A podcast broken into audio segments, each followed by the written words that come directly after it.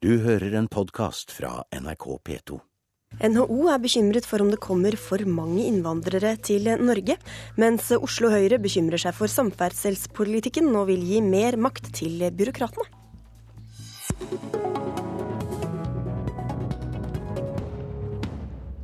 NHO frykter at konsekvensene av den store arbeidsinnvandringen til Norge kan bli vanskelige å takle.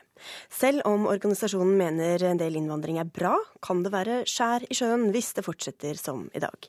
Avdelingsdirektør i NHO Dag Årnes, hva slags utfordringer kan den store innvandringen by på? Ja, For det første så eh, er jo hovedbildet at innvandringen er positivt. Eh, arbeidsinnvandringen er svært positiv for Norge, eh, for økonomien vår. Men eh, det må også være tillatt å, å, diskutere litt eh, hvor mange som kommer, og hva eh, det norske arbeidsmarkedet kan håndtere av arbeidsinnvandring. De siste ti årene har vi skapt 30 000 arbeidsplasser per år i gjennomsnitt. Og vi kan jo reflektere litt over det tallet i forhold til arbeidsinnvandring på rundt 50 000 f.eks. Har vi et fleksibelt nok og dynamisk nok arbeidsmarked til å ta imot Eh, stor arbeidsinnvandring. Hva slags problemer kan eh, oppstå da? Eh, sånn På kort sikt så virker det på meg som om det viktigste er knyttet til at syv av ti jobber jo kommer i Oslo, Akershus, Rogaland, Hordaland, sentrale strøk, der hvor boligmarkedet f.eks. er i ferd med å bli helt sprengt og, og, og, og prisene går av hengslene. sånn at rett og slett mangel på boliger og, og, og infrastruktur er en, et viktig aspekt ved dette. Dessuten så, så, har vi en situasjon i Norge nå hvor 100 000 eh, Statistisk sentralbyrå melder om 100 000 arbeidsledige. og 40% av NHO-bedriftene sier at de mangler kompetent arbeidskraft. Så det er ikke riktige personer nødvendigvis som kommer for vårt arbeidsmarked? Nei, det er altså et eller annet som er slående ved, en, eh, ved denne situasjonen. At vi har en, mismatch-problem under utvikling i det norske arbeidsmarkedet. Altså mange samsvar mellom kvalifikasjoner til eh, arbeidssøkerne og, eh, og, og det bedriftene trenger. Inger Lise Blyverke, du leder arbeidslivspolitikken i hovedorganisasjonen Virke, som organiserer bedrifter innen handel og service. Hvordan står det til med din bekymring? Jeg er nok ikke riktig så bekymret som NHOs representant her. Så 70% av sysselsettingsveksten kom fra arbeidsinnvandring. Det viser jo at det er behov for arbeidsinnvandrerne. Og Vårt utgangspunkt er nok at vi trenger eh, både arbeidsinnvandrere som skal komme her for kortere tid, og for lengre tid. Vi trenger arbeidsinnvandrere med høy kompetanse, men også de med lavere kompetanse.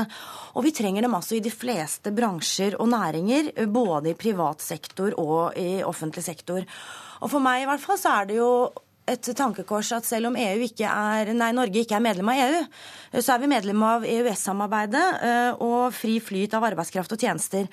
Og Norge er i høykonjunktur. Det er store deler av Europa ikke. Eh, det er derfor helt naturlig at det kommer arbeidsinnvandrere til eh, Norge. Det viser at det systemet fungerer. Eh, og det skulle bare mangle at ikke vi, så godt som råd er, er i stand til å bruke den arbeidskraften når vi faktisk vokser. Ja, Årnes, Hva slags tiltak eller virkemidler kan egentlig norske politikere gripe til så lenge vi er med i EØS-avtalen? Nei, Vi er med i EØS-avtalen, og den er veldig positiv for Norge. Så, eh, og Der følger det eh, denne eh, arbeidsinnvandringen, som er, som er i, i, det store og det hele veldig positiv.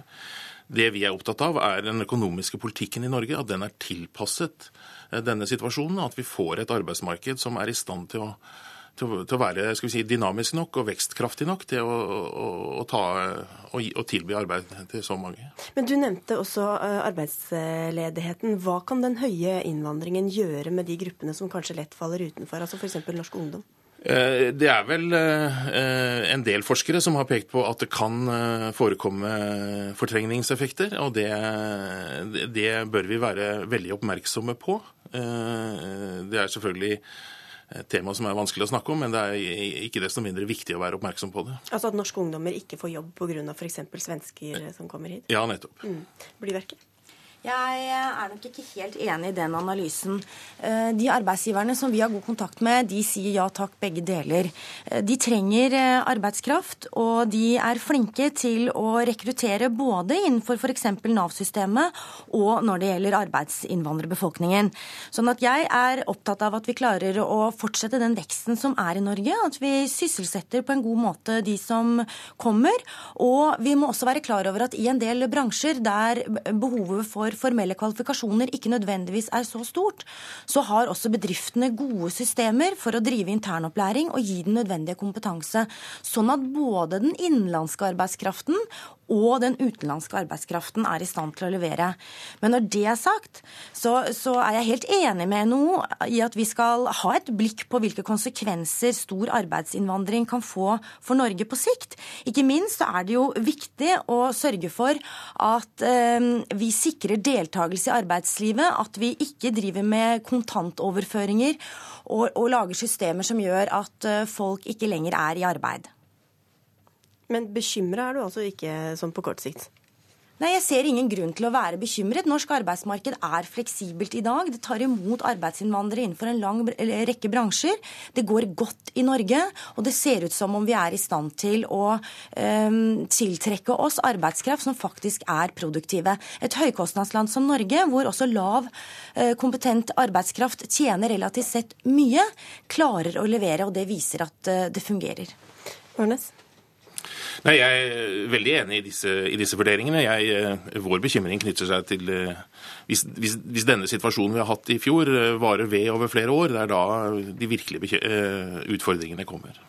Og denne debatten fortsetter vel kanskje på Virkes store arbeidslivskonferanse i dag? Ja, og det er jeg helt overbevist om. Arbeidsglede smitter. Og hvis svensker er gode på service, så er jo det veldig bra, for vi trenger at arbeidsglede smitter. Takk. Takk skal dere ha for at dere var med i Politisk kvarter, Dag Årnes fra NHO og Inger Lise Blyverket fra Virke. Bye.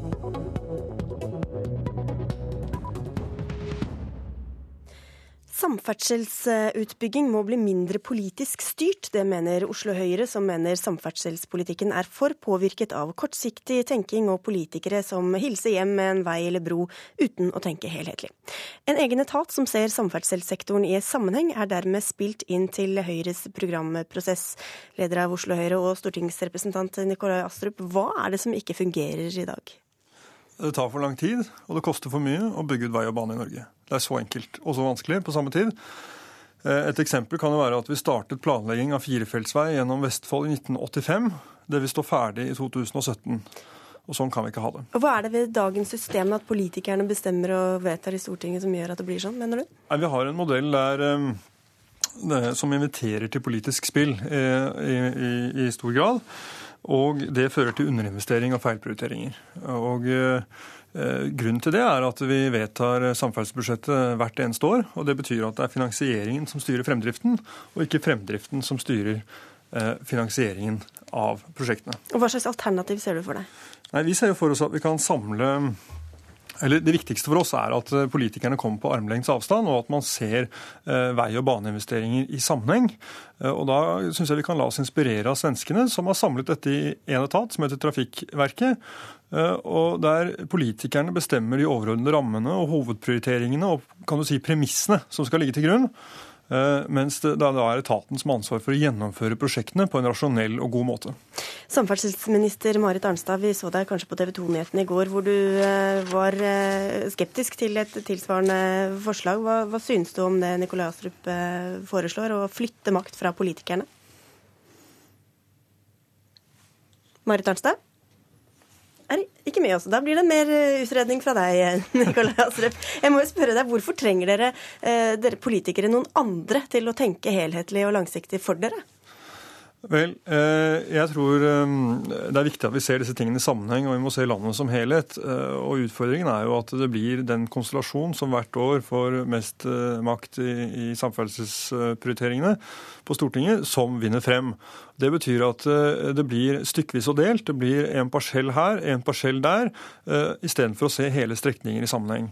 Eh, og Det betyr at prosjekter tar mye lengre tid å gjennomføre, men det er også at de blir mye dyrere.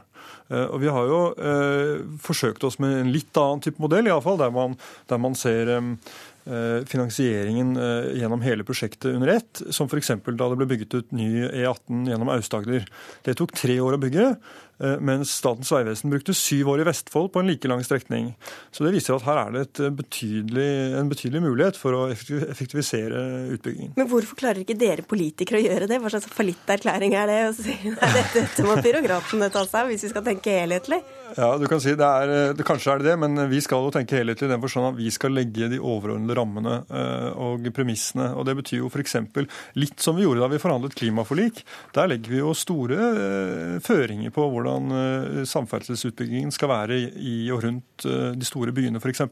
Der trafikkveksten skal tas med kollektivt, sykkel og gange. Eh, men detaljeringen av dette bør noen andre ta seg av. Nå skal vi prøve Marit Arnstad igjen. Jeg vet ikke hvor mye du har fått med deg, men du kjenner jo til temaet. Hva syns du om ideen om å skyve ansvar fra politikerne over på en byråkratisk etat? Nei, altså det er jo sånn at uh, Jeg tror ikke at redusert innflytelse for de folkevalgte og for Stortinget kommer til å være det viktigste i denne sammenhengen her. Jeg tror at det viktigste for å få en mer effektiv utbygging og mer sammenheng, det er å se på måten vi gjennomfører prosjektene på. Eh, og jeg tror Stortinget fortsatt ønsker å ha et ord med i laget om hvordan du prioriterer også på prosjektsida. Eh, når det er sagt, så tror jeg det at det er mange mindre prosjekt som i dag går til Stortinget, som du nok med fordel kunne ha latt være å fremme hver enkelt. Sånn at det er jo en mulighet å se på at det er de store tunge prosjektene som først og fremst går til Stortinget. Så du kommer en halvveis i møte her, da? Ja, jeg tror det at du må gjøre et klare skille mellom de små og de store prosjektene. Eh, men jeg tror samtidig at eh, Stortinget vil komme til å ønske å ha innflytelse også på prosjektsida, og det viser jo ikke minst de utrolig mange henvendelsene du får fra Stortinget og fra enkeltrepresentanter, også fra Astrup sitt eget parti, når det gjelder samferdselssaker. Men er du enig i beskrivelsen at det har vært for mye, eh, for lite helhetlig tenking, og for mange politikere som har hilset hjem med tanke på gjenvalg med en liten veistubb her eller en bro der? Jeg tror det er behov for mer sammenheng i utbygginga, og det tror jeg er viktig. Eh, og det tror jeg også det er mulig å legge opp seg uten at du derved reduserer den Stortingets innflytelse på, på sakene. Eh, jeg tror det ofte handler om både å få en raskere planlegging, eh, få en mer effektiv eh, gjennomføring, og også få etater som samarbeider godt. Og det gjør de jo også i dag, da, når det gjelder hele grunnlagsarbeidet til Nasjonal transportplan. Vel, og Jeg er veldig glad for at uh, samferdselsministeren kom meg uh, litt i møte. Uh, men jeg syns kanskje hun kunne gått enda lenger. Det er helt åpenbart at stortingspolitikere, sånn systemet er nå, ønsker å, å, å ha innflytelse på prioriteringene. Det sier seg selv. men det jeg argumenterer for, er jo at vi bør ha dette på en litt mer armlengdes avstand. Eh, nettopp for, for, å unngå at det blir feilprioriteringer og underinvesteringer. Men, for vi kan ikke stole på dere politikere? Nei, men Vi skal være det folkelige skjønnet inn i systemet. Vi, være, vi er ikke eksperter. Eh, det er så enkelt.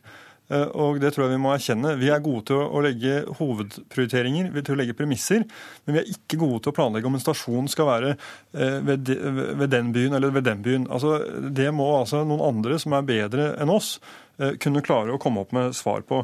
Og Dette handler jo om at du skal ha en, en helhetlig og god gjennomføring av de prosjektene som er. og Da er den, den årlige budsjetteringen i Stortinget i seg selv et problem. Mm. Og, og, og, Da skal det ligge mer samfunnsøkonomi og samfunnsnytte til grunn eh, Arnstad, ved en sånn eh, ja. byråkratisk system? Ja, jeg tror ofte folk har et litt feilaktig oppfatning av samfunnsnytte. fordi at En tror nok ofte at det betyr at prosjekt i de sentrale områdene og byene er lønnsomme, mens de i distriktene er ulønnsomme. og Sånn er det jo ikke. Altså Samfunnsøkonomisk lønnsomhet det eh, vil jo f.eks. tilsi at en rekke av de store prosjektene i Oslo ville vært svært ulønnsomme hvis du har lagt den malen til grunn. Derimot så ville mange av strekningene på Vestlandet, ikke minst på E39, vært veldig lønnsomme.